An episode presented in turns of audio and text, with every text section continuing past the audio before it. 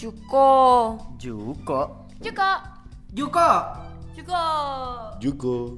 Juko. Juko. From jurusan komunikasi Binus University.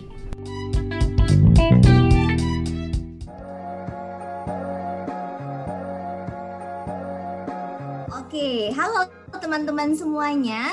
Perkenalkan saya Yuanita. Hari ini akan menjadi host di Ngobrol Bareng Juko ya. Hari ini teman-teman, kita akan ngobrolin tentang public speaking. Saya nggak akan sendiri karena di sini sudah hadir ada Mas Bayu Pradana. Cek cek. Hai. Oh, hai. Apa kabar Bayu? Hai. Baik. Kak. Gimana gimana? Sehat? Aku lagi di Senayan. Oh lagi di Senayan, oke. Mas Bayu Iya. sekarang lagi sibuk apa nih? Aku masih kerja. eh, reporter masih jalan terus liputan terus Oke. ya, Sekarang di mana freelance? MC. Aku di MNC Media. Oke, di MNC Media tuh teman-teman. Siapa yang pernah lihat Mas Bayu? Namanya Bayu Pradana. Diingat ya, jangan lupa. Jadi, eh, Mas Bayu ini adalah salah satu alumni Communication Department, teman-teman.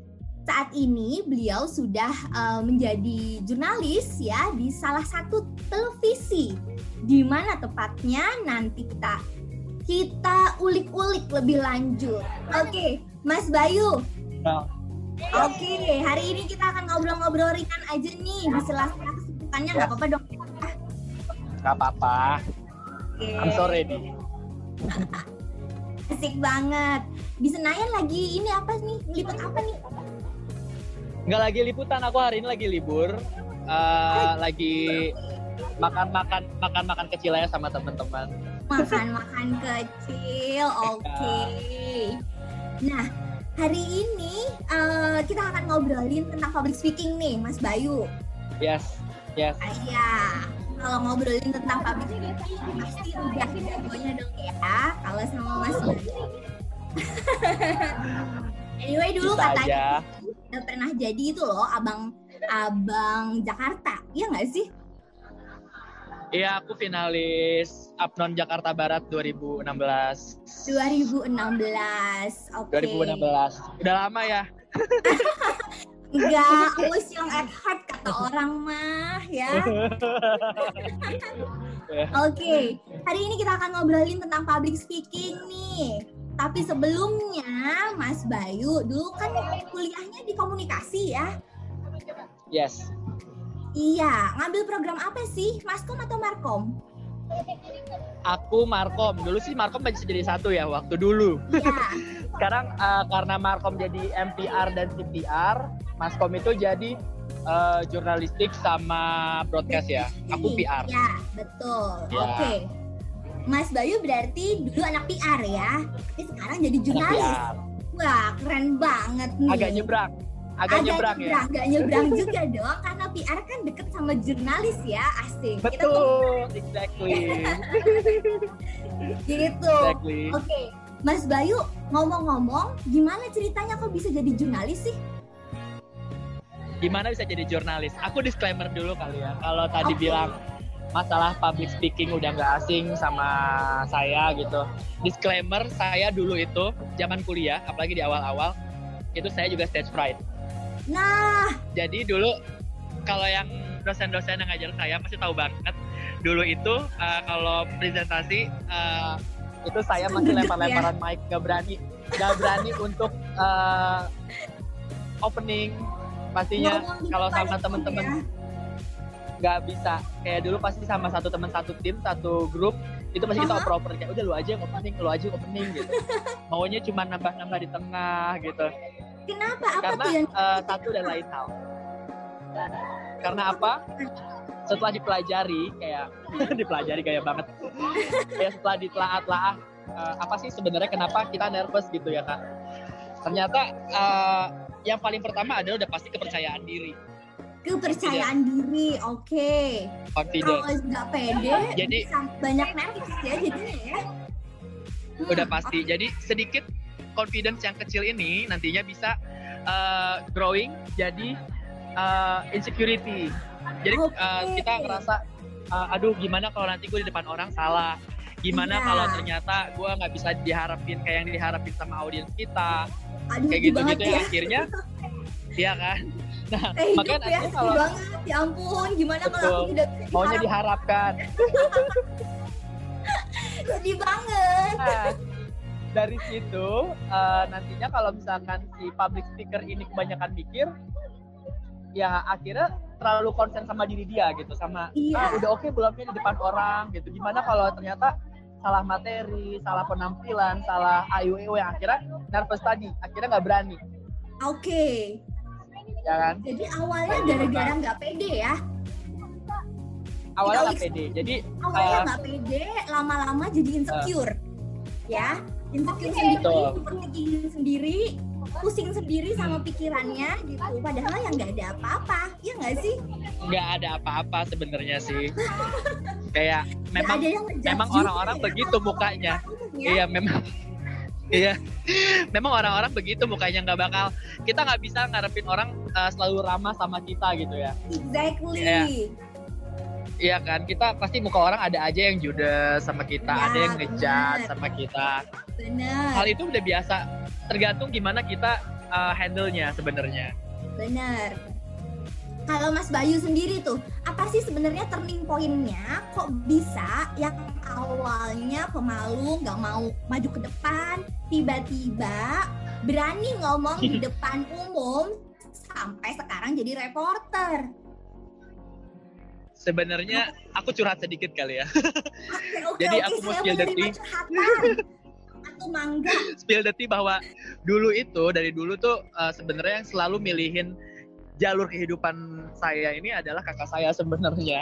Jadi Oke. uh, tiba-tiba ucuk-ucuk didaftarin PR, tapi syukur banget didaftarin PR karena ternyata jatuh cinta nih sama PR. Aduh. karena selama ini yang- yang paling- sama PR ya.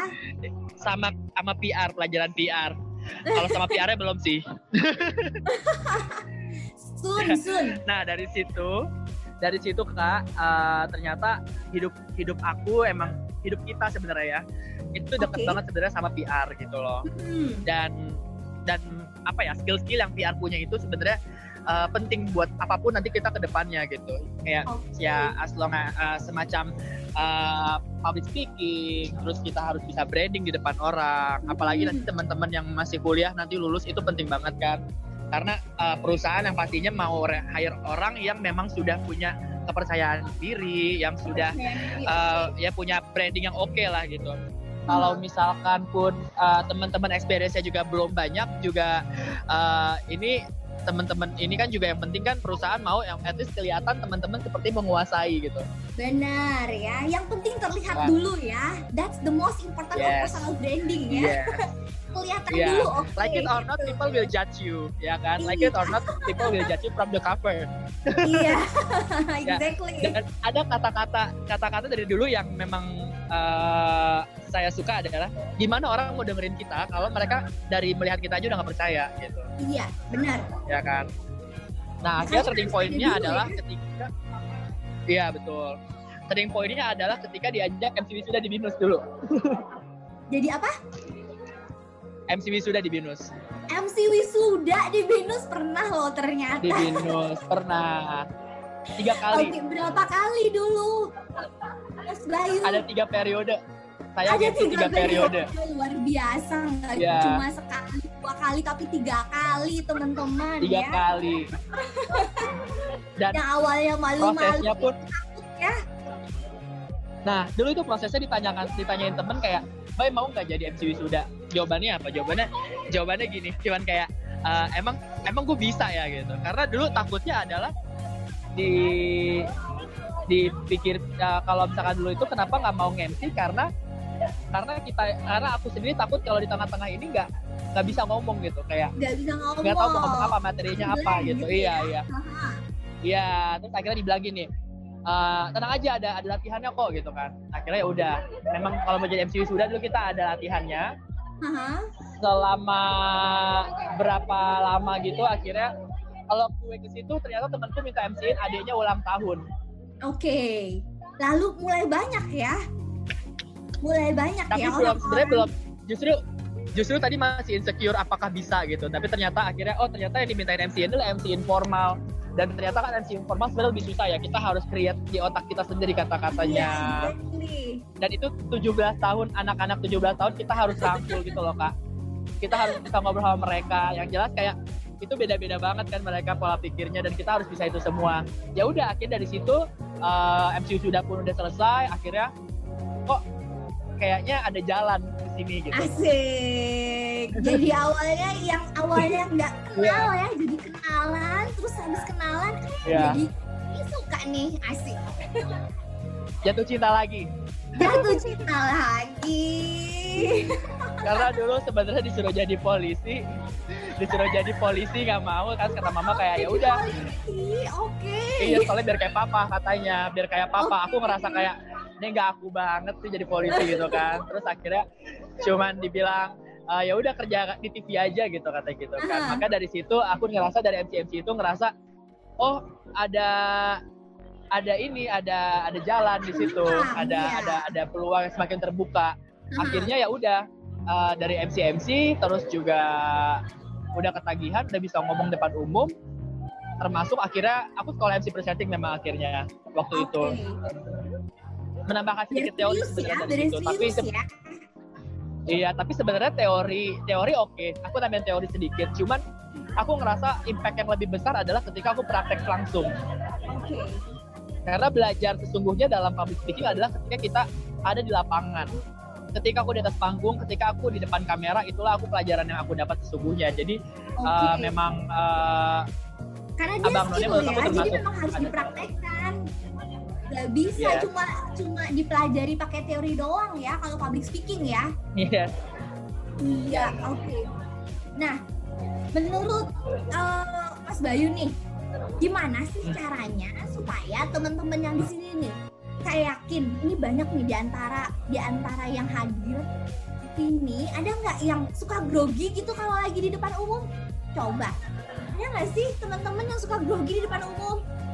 Atau udah pede-pede semua? ada nggak Ada nggak? Ayo. harusnya pede ya ada anak narkom. Kayaknya masih masih pada be- belum masuk ya? Masih banyak yang SMA nggak sih teman-teman? Oh iya. Coba coba nih mana nih suaranya? Ayo Hanes apa kabar?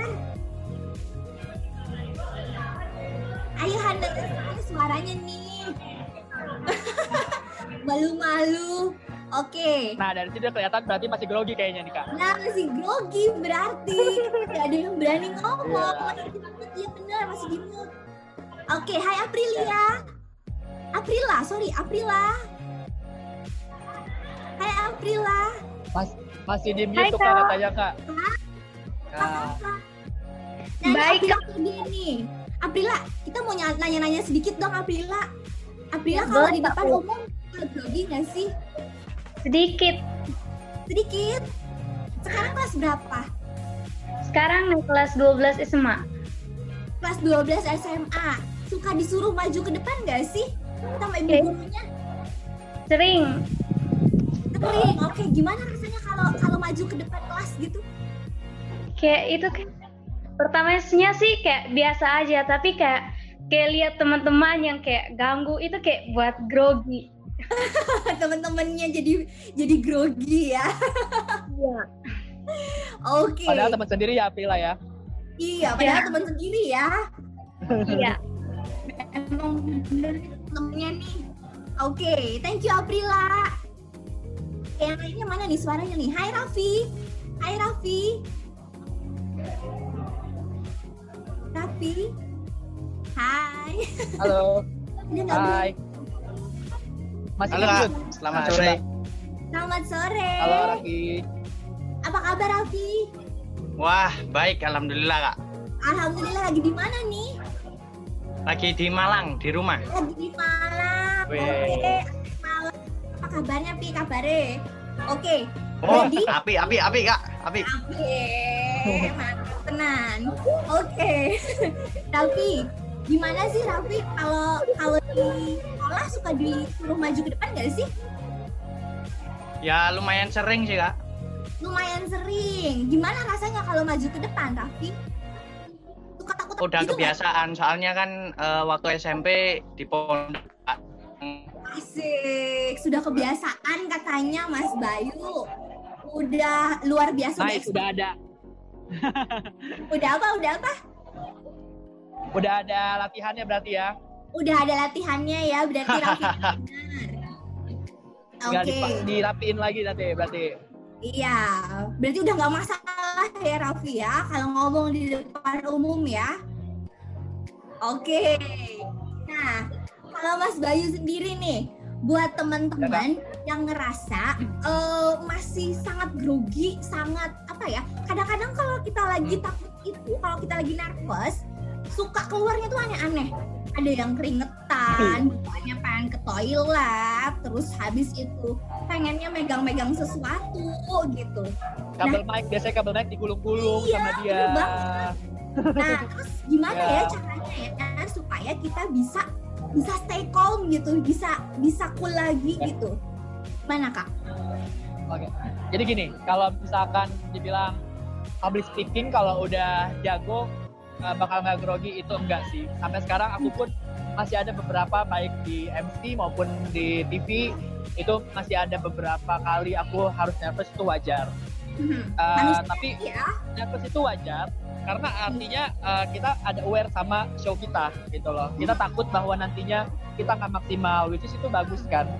Kalau misalkan kita punya perhatian sama show kita, kita jadi lebih banyak preparation dan akhirnya kayak gimana caranya kita handle situasi aja. Jangan Oke. jangan hilangkan nervous tapi kita handle nervous. Memang nervous itu nggak bisa dihilangkan. Mungkin Itu nanti kalau kita ya. sudah sudah bernyawa manusiawi Manusiawi, Memang- iya. namanya kan kita selalu beradaptasi di tempat baru kan kak. Jadi Iya. eh, sangat wajar untuk eh, nervous dan juga punya pemikiran-pemikiran seperti itu. Seperti yang aku Oh. bilang tadi kita harus hand- handle dulu. Nah gimana cara handle-nya?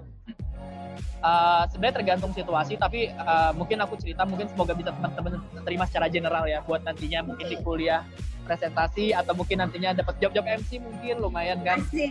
Semoga ya, semoga ya. Semoga. Gak ada Intinya yang kita- tahu loh kita- teman-teman. Awalnya cuma kayak ginian Betul. doang. Terus nanti pulang setelah selesai dari ini, eh kayaknya seru juga ya jadi MC. Eh kayaknya seru juga jadi Iya. presenter ya gitu. Lama jadi job, gak ada yang tahu. Uh, uh.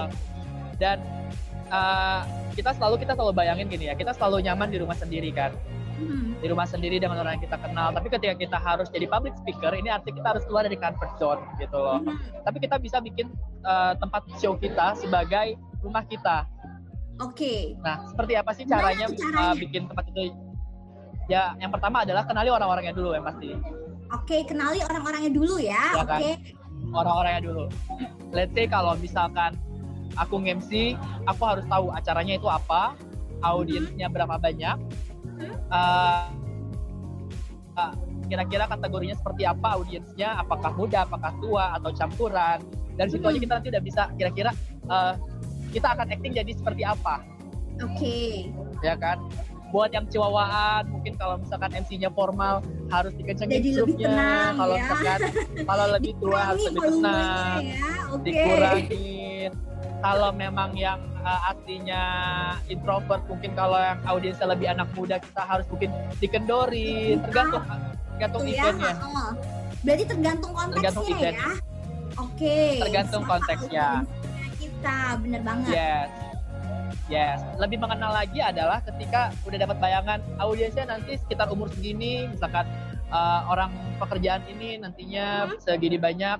uh, nanti uh, step lebih lanjutnya adalah teman-teman bisa datang lebih before time. Oke. jangan jadi public speaker itu kita nggak bisa on time kita harus before Oke. time selain Harus untuk ya. update Wajib ya. wajib selain Supaya untuk update ya, kalau misalkan ya. yes yes jadi kalau misalkan acara memang ada tamu-tamu VIP uh, Hah? teman-teman bisa update lagi kira-kira ini siapa yang datang yang jadi datang atau misalkan Hmm. siapa yang berhalangan hadir jadi tetap Oke. update bahkan ketika show berlangsung nah Hmm. tipsnya adalah tadi untuk mengenal lebih lanjut teman-teman coba deh kalau misalkan memang lagi-lagi secara general ya. Mau Oke. nge atas panggung atau mungkin uh, pres- presentasi di depan kelas. Teman-teman sebelum show teman-teman ke tempat teman-teman yang nanti akan show itu berdiri di mana. Kalau di depan kelas kalian bayangin aja berdiri di mana nantinya. Kalian bayangin audiensnya nanti sebagaimana banyak. Ada lampu atau enggak akan nyorot di mana lampunya walaupun masih dimatiin. Ataukah ada kamera? Kamera Kameranya itu di kalian harus bayangin. gitu jadi ya, nanti penting ya. Ya betul. Jadi ketika nanti uh, show-nya udah go on, uh, udah ongoing, udah running, ketika tiba-tiba nyalain lampu uh, spotlight deng ke kalian, kalian kaget gak kaget lagi ya. ya. Karena walaupun kalian udah segimana uh, maksimalnya effortnya, tapi ketika tadi nggak siap sama, cuman gara-gara lampu yang nyorot ke kalian, itu bisa Kaget blank. gitu ya. Blank langsung Kaget. ya biar semuanya yang, Iya. yang udah dipersiapkan ya. Yes. Oke. Ini adalah uh, gini loh, kuncinya kan kayak mau jadi public speaking adalah coba belajar di kata-kata MC sih. MC itu kan artinya master of ceremony ya kan. Hmm, Kalian adalah masternya sebenarnya. Jadi Oke. uh, kuasailah tempatnya dulu gitu. Tempatnya Untuk menjadi master kan harus menguasai oke. tempatnya dulu kan. Harus Kayak dikuasain. gitu. Benar banget. Yes. Oke. Tunggu sebentar, Yes. Mas Bayu, karena ini ada dari Leoni. Kata Leoni, aku juga mau ditanya dong, Miss. Katanya gitu, mana nih Leoni nih? Hai Leoni. eh, Leoni, apa kabar Leoni? Baik. Leoni ini selalu setia loh di sini loh. Kita seneng banget. Hai Leoni Leoni. selalu hadir. Thank you ya Leoni. Leoni sharing sedikit dong gimana gimana sih rasanya kalau uh, Leoni depan publik gitu, depan umum Ya grogi. grogi. Groginya kenapa tuh? Gimana? Takut gak didengerin. Takut nggak didengerin nggak Mas didengerin. Bayu. Oke. Oke oke oke. nggak didengerin kenapa kira-kira? Jadi menurut Leoni audiens itu sangat amat penting ya? Iya. Nah sekarang sekarang Leoni juga lagi malu-malu nih. Oke, thank you so much ya Leoni. Oke, Oke. ada lagi satu lagi. Yohanes Immanuel, katanya mau ngomong juga Miss. Boleh Yohanes. Hai Yohanes. Hai Yohanes. Hai, apa kabar? Kamu lagi di mana? di Semarang. Oh, lagi di Semarang. Halo Semarang. Panas apa enggak? Kalau pagi dingin banget sih. Kalau pagi dingin banget. Iya, sekarang lagi winter ya di Australia ya. Malah dingin banget. Oke, Yohanes, sekarang kelas berapa nih Yohanes? Kelas 12. Kelas 12. Oke. Yohanes, biasanya kalau di kelas sering maju ke depan gak sih? Kalau masih di lingkup kelas gitu aku masih berani sih. Kalau soalnya kan aku juga ikut organisasi MPK. Oke. Nah, itu kan ya sering, sering bantu aku. Tapi kalau kalau secara kelas gitu aku masih berani. Tapi kalau sudah kayak acara-acara besar sekolah tuh belum bisa.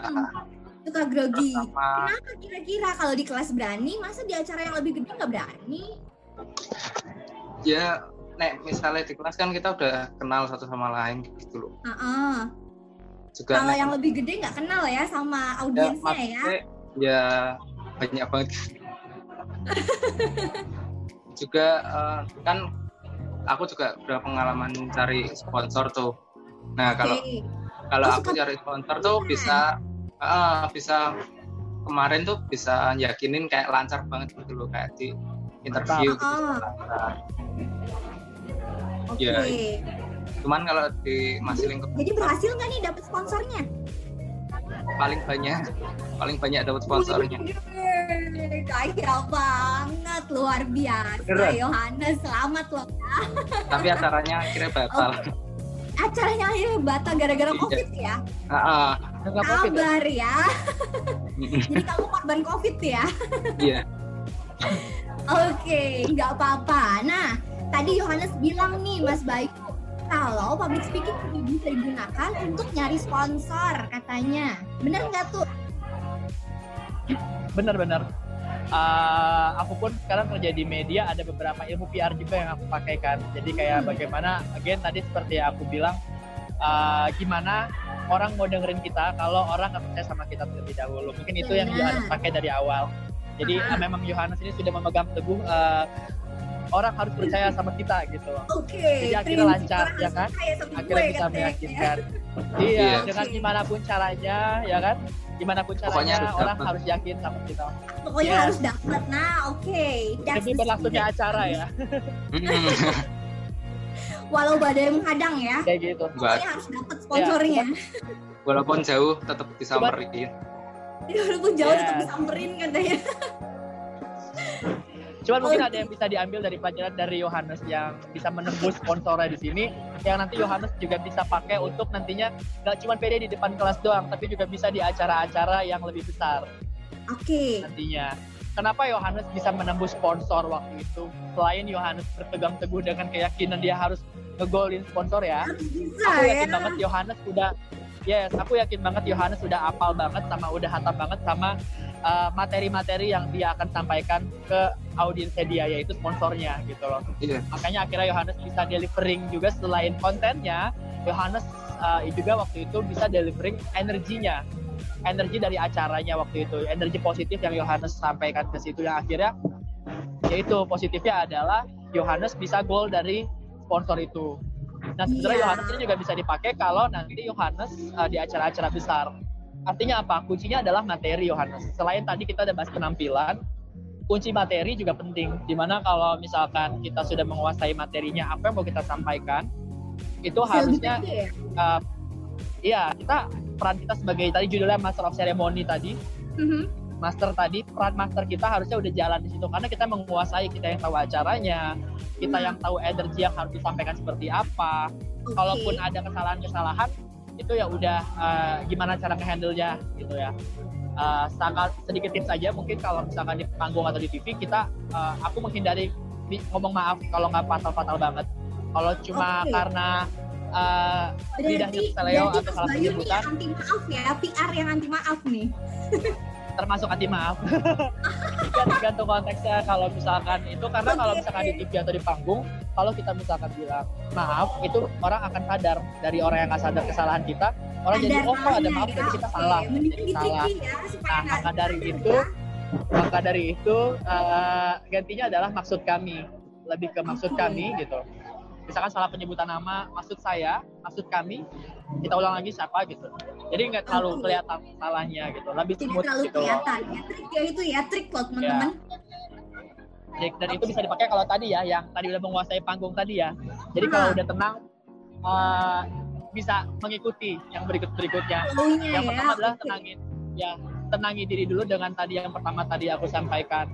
Dan di sini mungkin eh, kembali ke konten tadi kalau misalkan kita pelajari materi eh, ya tadi kita tinggal kalau ketika udah hafal materinya tujuan acaranya apa apa tujuan kita berbicara kita tinggal bisa atur energi energinya oke. Nah buat tadi Leoni yang mungkin tadi belum pede untuk malu-malu ngomong. ya Leoni ya. Karena karena apa tadi alasannya? Alasan Leoni tadi apa? Sorry. Aku kalau lupa ingat ya. Grogi kalau ngomong di depan umum kata Leoni. Grogi. Takut. Yes karena aku aku yakin banget Leoni takut grogi karena nggak dengerin. Leoni oh audiens ya benar. Audiensnya takut gak dengerin gitu loh. It's okay karena kalau misalkan kamu udah menguasai materinya justru kamu yang bisa mengintimidasi audiens. Ternyata Mas eh, Bayu ini yang intimidasi loh. Bukan bully Oke. tapi ya.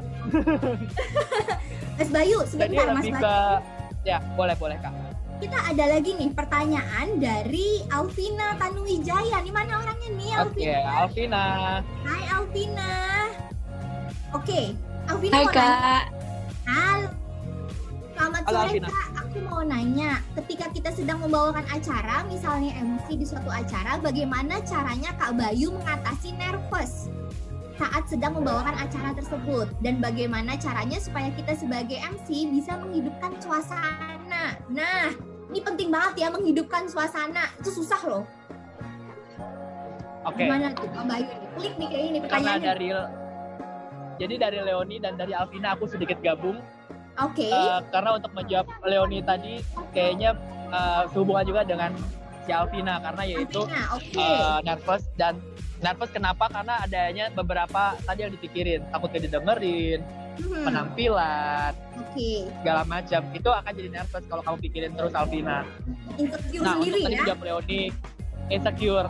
Termasuk tadi Leoni yang insecure takut gak didengerin sama audiensnya. Gitu. Aku balik lagi kenapa tadi bisa mengintimidasi? Bilangnya aku juga udah berkali-kali ditolak narasumber sama Sedih. audiens aku.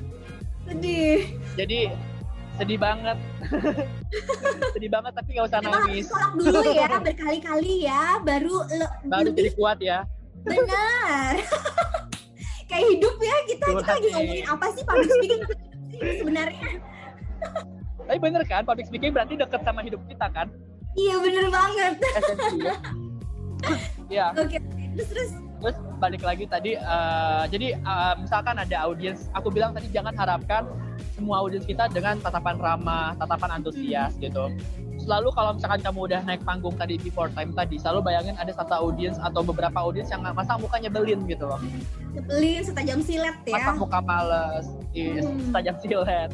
Karena pun kita nggak tahu sebelum mereka datang ke acara kita ada masalah apa dalam hidupnya kita nggak tahu. Bukan urusan kita juga sebenarnya ya.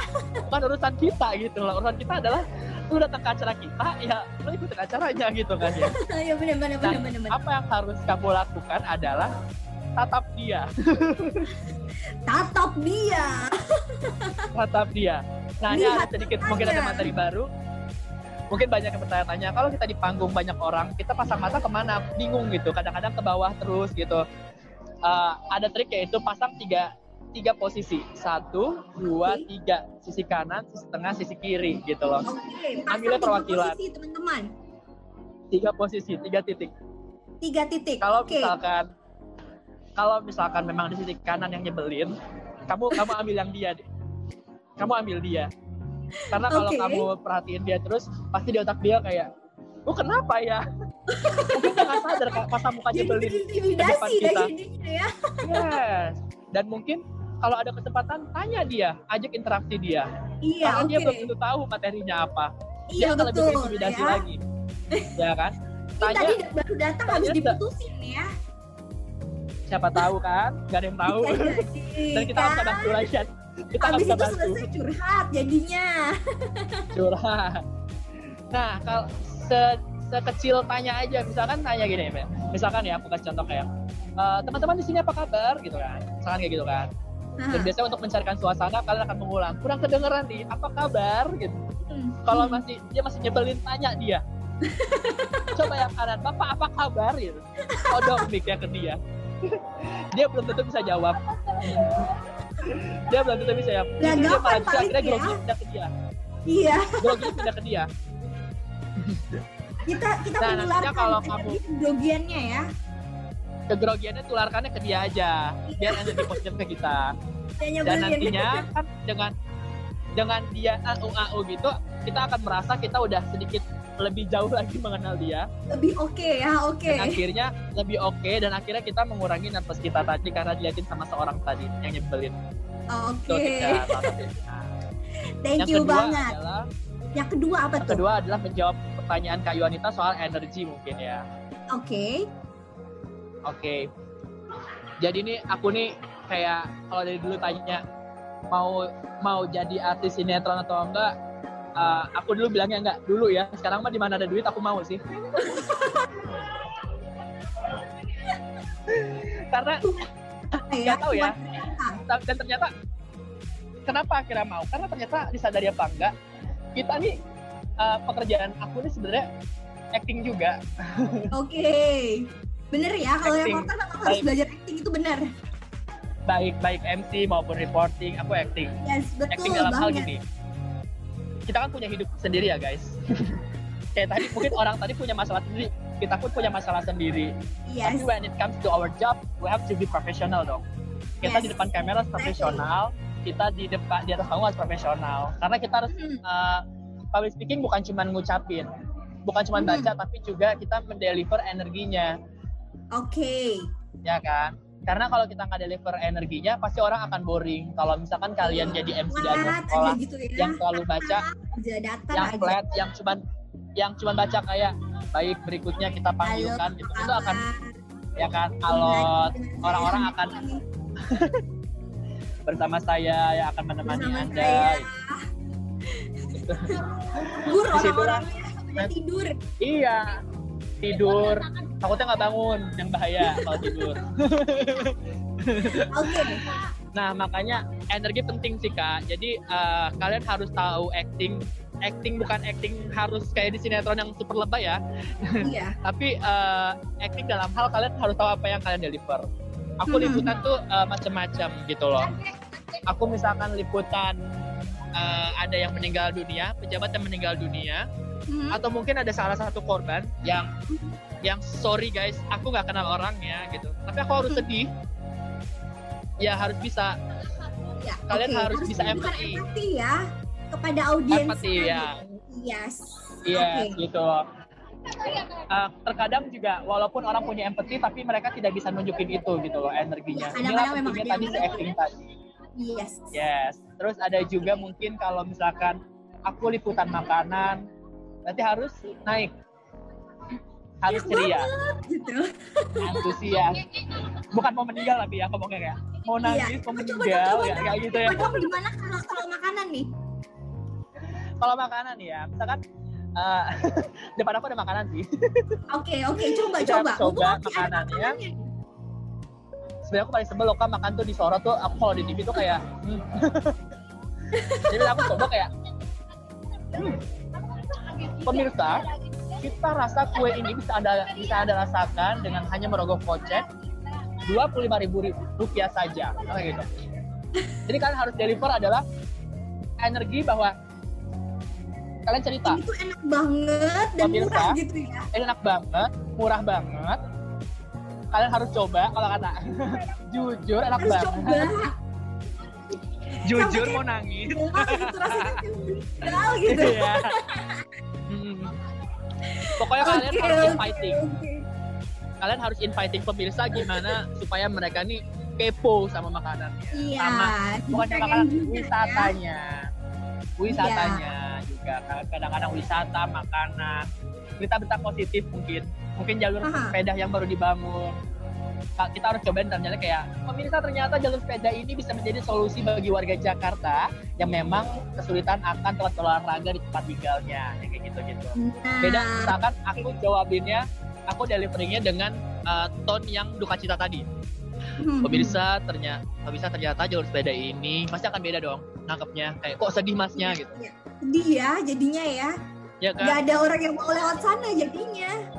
Gak ada, nggak ada, bikin. karena- gak ada, karena gak ada yang mau sedih kak. Iya, makanya itu rugi bikin kalau di dilaporinnya Iya, kayak gitu. Iya makanya. Nah makanya tadi eh, about energy kalian harus tahu lagi materinya apa. Kalau MC ada naik ada turun tuh harus dimainkan. Iya. misalkan eh, mau tepuk tangan misalkan MC prom night atau misalkan eh, kejuaraan apa pemilihan penghargaan atau apa dan Oke. kalian mau minta audiens untuk kasih penghargaan ke si anak ini nih yang udah berprestasi nih Oke. tapi delivery-nya kayak ya teman-teman kita tepuk tangan dulu dong teman-teman Gak ada tepuk tangan. kalau aku audiensnya aku bilang why should I Bener banget, why should I? Jadilah jadilah eh, kita harus naikin energinya kita harus angkat gitu ya. Misalkan kayak teman-teman mari kita berikan tepuk tangan yang meriah untuk saudara A kayak gitu ya kayak ya. Gitu. Kebalikan kalau baca doa. Baca doa, oke. Gimana tuh? Baca doa harus hikmat. Kebalikan Harus kalau misalkan kita bilang Iya, kalau misalkan teman-teman kita baca doa dulu ya sebentar gitu. kayak agama apa nih? Ini mau baca doa, kamu gimana Ajaran ini? apa? Iya kan? Nah, jadi eh, kalau baca doa eh, kita minta hadir untuk hikmat, kita juga harus bisa tone down. Jadi lebih ke hadirin sebelum kita memulai alangkah baiknya kita ber- memanjatkan puji syukur dulu kepada Tuhan yang Maha Esa. Maka dari itu hadirin kami minta mengikuti ajaran masing-masing berdoa dimulai. Oke, Lebih ke turun. disesuaikan tone-nya ya, disesuaikan tone-nya. Sesuaikan. Sebentar, sebentar, tunggu sebentar. Ada dua nih yang katanya mau nanya lagi. Ada Yohanes dan ada Alvina. Ayo Yohanes dulu nih. Boleh. Yang duluan. Ayo Yohanes Lagi, silakan. boleh. Ya. Ya. Miss kan tadi kan udah sempet nyinggung tentang mencairkan suasana. Jadi berkaca tentang kayak buat mencairkan suasana gitu kayak di sekolahku gitu kan biasanya kan MC kan MC-nya temanku gitu dia tuh orangnya tuh nggak bisa mencairkan suasana jadi kayak teman-temanku semua tuh pada bosan bahkan eh, banyak yang malah mainan HP sendiri atau bahkan ada yang pergi ke Indomaret dan lain-lain itu cara Ada yang pergi ke Maret katanya. ada caranya buat mencairkan suasana yang ke mereka tuh gimana? Oke, nah caranya mencairkan suasana katanya Mas Bayu. Ayo gimana caranya? Aku jawab dulu ya. aja esnya biar cair, asik. Eh, talok ya, Miss. Biar cair. Krik-krik ya. Maafin loh. Jangan dipecahkan. Jangan, dipecahkan karena berisik. Jadi eh, kayak gimana supaya bisa sebenarnya bahasanya lebih ke engage gitu ya. Oke. Lebih ke engage sama mereka. Hmm, Kalau misalkan kalian udah engage, kalian udah ngerasa mereka audiens kalian tuh akan menjadi teman kalian. Gitu loh. Jadi Gimana awalnya mungkin mungkin tadi bisa ditanya dari kabar dulu. Mhm. kabar dulu. Kalau misalkan dari kabar ada yang tadi yang susah banget di engage, yang nyebelin tadi, kalian bisa tanya dia langsung untuk lebih Oke. engage lagi. Gitu. Balik, woi balik Jadi, eh, banget gitu ya. Balik, weh, balik gitu kan. Misalkan teman-temannya tadi ada yang main HP, coba ajak ngobrol. Jangan ngobrol berdua Iya. tapi ya, jadi lebih ke tanya, lebih ajak interaktif dia kayak ini lagi ngapain nih? Itu kok sibuk main HP gini-gini. Coba deh, eh, coba misalkan ada ada beberapa pertanyaan yang kamu bisa lontarkan juga ke dia. Hahaha. misalkan eh, misalkan soal kamu misalkan kejuaraan futsal di mana dia main HP terus kamu bisa tanya ke dia kayak coba deh eh, lo pernah nggak main futsal gitu gitu kayak lo lo paling bangga juara apa nih gitu gitu ya akhirnya dia harus jawab kamu Iya, niscaya dia akan lepas HP-nya sih. Lebih ke konsen kayak eh, gitu. Mau nggak mau Cuman ya? tadi eh, kalau contoh kamu mungkin tadi kamu ngerasa temen kamu yang jadi MC itu memang nggak nggak asyik, nggak nggak A6, nggak asik. Itu eh, berarti coba di energinya lagi di sudah saatnya Yohanes yang memulai ya. Misalnya, misalnya, Iya, mis, betul. misalnya Kak Bayu, Ah. eh, Ya. ketika bukan eh, mereka eh, temanku tuh sudah udah ngajak buat mencari suasana, tapi memang tipe-tipe nih teman teman-teman sekolahku kebanyakan itu kebanyakan nggak mau tahu sama acara sekolah gitu. Oke. Oke. Pasti biasanya terpaksa Berarti karena absen. kurang, pengen tahu ya sama acara Iya. sekolahnya ya. Malah acara-acara sekolah karena tuh absen biasanya. eh, Cuma nunggu absen doang. Pengalaman Iya. nih ada. Pengalaman rupanya. apalagi kalau talk show talk show kayak gitu, waduh ini kapan yang selesai, kapan yang selesai. Nah, maka dari itu kamu harus bisa menunggu adalah selesai kali ini ya. Iya. Maka dari itu eh, tugasnya public speaker adalah itu gimana cara mencairkan itu adalah dengan cara mungkin lebih tahu apa sih yang audiens kamu butuhkan gitu loh kalau memang memang dari talk show tersebut tidak menarik berarti kita harus gimana mengemas supaya menarik gitu loh. Dan Iya. supaya memang sebenarnya kita harus tahu nih kebutuhan mereka apa mereka lebih sukanya referensi seperti apa. Dan supaya tahu adalah tadi interaktif coba interaktif jangan cuma satu arah komunikasi kita aja yang ngomong gitu loh. Karena dengan Iya, interaktif harus dua arah ya. kebanyakan harus dua arah. Misalkan eh, coba Yohanes contoh acaranya apa? Eh, kemar dulu itu dari apa ya pariwisata kayaknya jadi Padahal pariwisata loh Pariwisata. ya. pertukaran pertukaran ya. pelajar pertukaran pelajar culture Nah. loh padahal seru loh. Seharusnya ya. Nah orang tuh biasanya kan lebih suka kalau misalkan kalau misalkan mereka ngerasa gue nggak butuh ini di hidup gue, kenapa gue harus dapet itu gitu loh. padahal Nah, Sama kita narasumbernya bisa tahu urgensi ya, kebutuhan.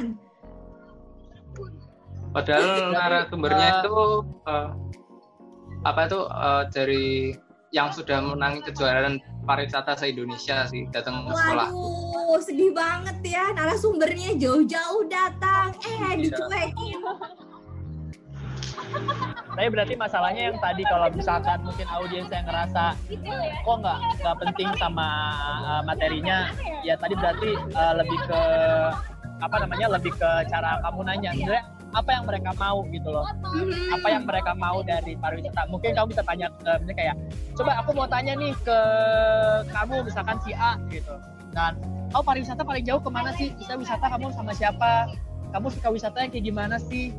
Kayak gitu. Nah dari situ kan kayak misalkan dijawab eh, ya paling jauh sih cuman ke minimarket dekat rumah ya gitu.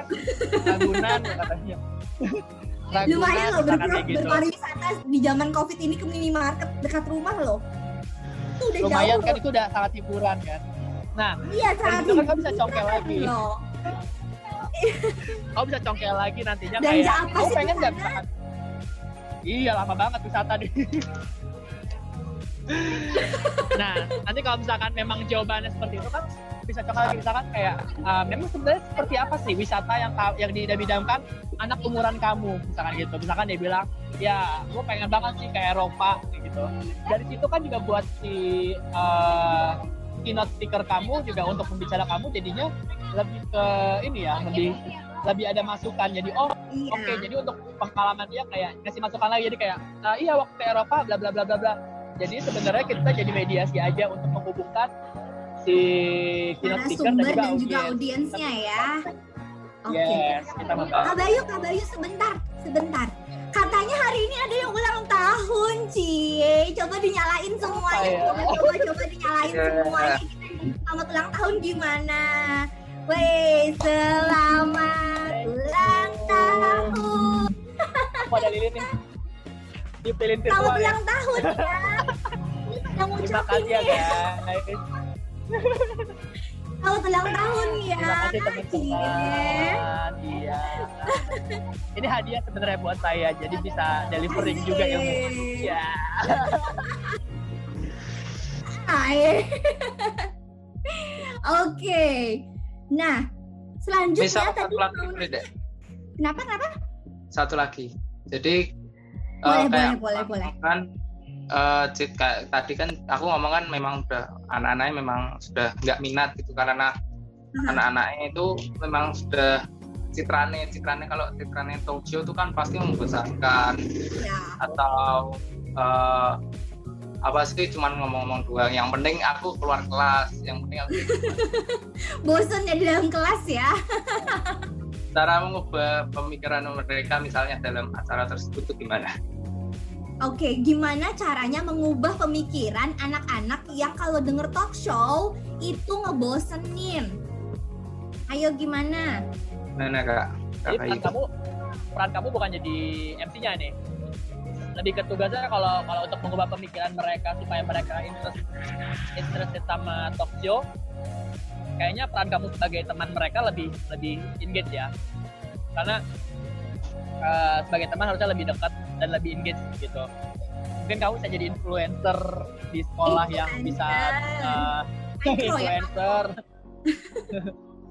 swipe up gitu. Ya, benar. Oke, mungkin bisa Jadi, nambahin cerita ya. Mungkin Nah ya, kak silakan kak. Mungkin bisa juga kayak gini, apa namanya, eh, Yohanes bikin aja sama teman-temannya kalau kamu ngerasa kalau talk show tersebut sangat membosankan gitu. Kalian bikin yang tidak membosankan gitu. Jadi lebih seru ya. Dan itu bisa jadi benchmark buat teman-teman yang lainnya atau buat guru-guru kalian. Nanti besok-besok kalau bikin talk show tuh yang kayak gini loh gitu. Hmm, masuk komunikasi makanya. Nanti akan belajar bikin event asik rencana kok. Rencana kok. Iya. Tapi belum tahu dengan Jadi nantinya kalau misalkan Miss kalau misalkan Yohanes ini nantinya bisa jadi MC yang MC anti boring, itu benefitnya buat anti Yohanes, boring tuh Yohanes ya kan? Ya kan? Teman-teman Iya. teman-teman sekolah yang show itu bakal bosen. Tapi kalau MC Yohanes, gue mau banget dateng. asik MC anti boring ya udah bisa jadi branding tuh Yohanes Hmm, kamu kalau- memperkenalkan diri kamu siapa Yohanes yang mana Yohanes yang anti boring asik Anti boring. oke Mas Bayu satu lagi nih ada Alvina nih tadi katanya Alvina Hai mau Alvina. nanya lagi apa tuh Alvina. Boleh, Hai boleh. kak, Hai, Hai, eh, sore kak, aku mau nanya, sore. eh, waktu itu kan aku sempat pernah eh, MC di acara sekolahku. Sebenarnya acara kelas sih, itu kayak ujian praktek dan kita itu kayak ngundang orang tua murid, guru-guru sama kepala sekolah ke acara itu. Terus di situ itu aku ditunjuk jadi MC, padahal waktu itu aku sama sekali belum ada kayak eh, bekal pembekalan buat jadi MC. Jadi kayak aku bener-bener uh, jadi MC itu seadanya aja. Dan menurut aku itu kayak uh, gimana ya agak boring sih. Soalnya bener-bener sepi banget. Dan aku tuh ngerasa kayak um, aku belum bisa nih jadi MC yang baik. Terus uh, aku tuh mau nanya gimana caranya supaya kayak misalnya kalau misalnya kita MC itu bahasa kita dan gaya kita itu nggak terlalu kaku dan terlalu formal banget gitu loh di depan para audiensnya kita sehingga mereka itu nggak ngerasa bosen buat dengerin kita dan tetap ngikutin acaranya itu dengan baik. Oke, gimana tuh Oke. Mas Bayu? Kira-kira biar audiensnya nggak boring. Tapi sebelumnya eh, Alvina kalau misalkan kalau Alvina menyesali waktu itu belum begitu maksimal eh, jadi MC, aku pengen Alvina sebenarnya untuk untuk apresiasi dulu diri Alvina yang udah berani tanpa bekal jadi MC. Bener banget. Nah, aku Jadi iya sih harusnya- aku aku merasa kayak em, ini sebagai pengalaman aja teman juga em, waktu aku mintain masukan mereka itu juga bilang nggak apa-apa udah bagus kok Eh, tinggal di apa ditingkatin aja dan lagi. Di- diajari lagi gitu ya. iya Yang penting itu Sebenarnya kenapa aku berani minta apresiasi? Yes, yes, yes. Kenapa tuh aku minta apresiasi? Karena untuk ngomong aja belum tentu berani gimana ngomong di depan Benar. dan tanpa bekal gitu loh. Jadi Benar. menurut aku Alvina udah sangat jauh melesat gitu, udah berani ke depan dan mewakili untuk bicara di depan gitu. Terus eh apa namanya? Si Alvina, aku pengen tadi apa pertanyaan kedua? Sorry, Em, gimana caranya eh, kalau pas Oh, buat- kita em buat gak boring, gak, gak terlalu kaku ya. ya heeh. buat gak terlalu kaku. Ah, gini, jadi tadi aku bilang materi adalah hal yang penting gitu ya. Materi dan juga kenali diri kamu gitu kan. Yang kedua, eh, kalau kalau aku dengar tadi audiens kamu adalah bu ibu bapak-bapak dan juga guru, Ibu-ibu, bapak-bapak, saya jadi pengen nyanyi. ibu bapak-bapak, Langsung ada di berarti otak. juga it's okay kamu untuk eh, untuk it's okay untuk kamu eh, lose losing sedikit tapi kamu harus tahu batasannya gitu. Karena nggak mungkin kamu ngerangkul ibu-ibu terus kamu langsung tanya gitu nggak mungkin. Kamu harus tahu batasannya bahwa audiens kamu adalah ibu-ibu bapak-bapak gitu loh. Dan eh, berarti eh, apa yang harus dilulusin kak kalau begitu? Karena kan ini ibu-ibu bapak-bapak anyway gitu kan jadi aku harus gimana nih? Kok aku Raisa serba salah? Jadi eh, tadi kamu harus tahu poin apa materi apa yang kamu mau omongin gitu loh. Jadi kalau misalkan kamu udah baca gitu misalkan mendadak gitu Alvina kamu jadi MC ya? gitu. Nih ya gue sekarang jadi MC minta rundownnya. Ah, oke materinya mana rundownnya? gitu. Oh baca. Tek tek tek tek, tek. kamu usahain semaksimal mungkin dengan waktu kamu yang ada. Itu kamu uh, cari tahu misalkan di di di poin pertama kamu ngomong tuh kamu tentang apa gitu. Dan lebih enak kalau ngomongnya jangan textbook jangan misalkan dikasih Jangan tahu cue cardnya ada tulisannya. Yes jadi jangan baca kayak misalkan baca cue card kayak eh, dan berikutnya gitu. Jadi gunanya adalah sebenarnya untuk contekan. Ketika kamu Iya. begini kalau bisa eye contact lagi. Dan berikutnya kita menuju ke acara berikutnya ibu-ibu bapak-bapak yaitu adalah sambutan dari kepala sekolah. Kami panggilkan untuk bapak biar nggak salah nyebut baca lagi nggak apa-apa. Untuk bapak ABCDEFG untuk memberikan sambutannya kepada bapak kami silakan kepada bapak kami silakan usahain eye contact untuk eh, hangat menyambut dia menghargai dia Menyambut ya, Apa? dilihat orangnya. Benar. Tuh, begitu Oke. juga kayak eh, begitu juga eh, begitu juga kalau misalkan kita lagi eh, menyapa orang gitu misalkan kayak kami ucapkan selamat datang pada bapak eye contact kalau bisa pada bapak selamat sore pak selamat datang dan berikutnya Tapi ada direktur ya. Iya, aja biasa aja, jangan diplototin. iya jangan nanti kabur betul Kabur bapaknya. Dan jangan dikedipin. Jangan dikedipin. Itu beda lagi. Iya, repot. Oke, ini kata Iya. Leoni, aku sih pernah disuruh maju tanpa persiapan. Berhasil majunya pidato satu menit. Weh, keren banget Leoni. Ya. Mantap. Satu menit itu panjang loh teman-teman kalau kita tidak terbiasa untuk melakukan public speaking. Gitu. Oke. Eh, Mas Bayu, karena ini Yes. saya sudah diingatkan, Miss sudah mau selesai ya katanya gitu. Nggak berasa ya teman-teman udah satu satu jam loh ini kita bareng. Satu jam ya. Banyak ya udah udah bareng di sini ya udah setia. Terima kasih ya. Waduh, Mas Bayu ada ada tips terakhir nggak? Gimana caranya biar nggak takut-takut lagi buat public speaking?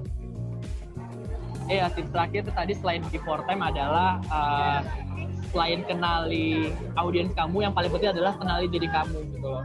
Walaupun Kenali kamu tahu di mana ya, walaupun kamu tahu di mana flow kamu, di mana kelemahan kamu, weakness kamu, itu usahain jangan tunjukin di depan umum gitu loh. Karena sebenarnya kita manusia nggak ada yang sempurna kan. Jadi Oke. eh, apa yang bisa kita lakukan di atas panggung dan di depan kamera adalah menyembunyikan ketidaksempurnaan itu atau mengalihkan ketidaksempurnaan itu dengan Oke. upaya-upaya tadi sebenarnya gitu. Jadi yang penting bingung adalah ya ini sebenarnya kita ngomongin public speaking atau ngomongin hidup ya dari tadi ya. ini adalah golden way sebenarnya. Ternyata ya ulang tahun tuh emang kayak gitu ya. Suka Iya, ngebelok-belok refleksi gitu ya. diri. refleksi diri.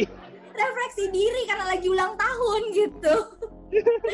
Oke, thank you banget Mas Bayu udah satu jam bareng di sini ya. Kita senang banget nih Mas Aku Bayu. terima kasih sama Bino, sama teman-teman.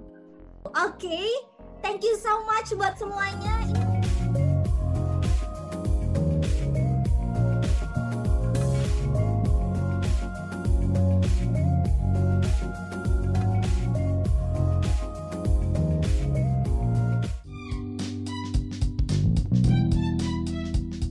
From jurusan komunikasi Binus University.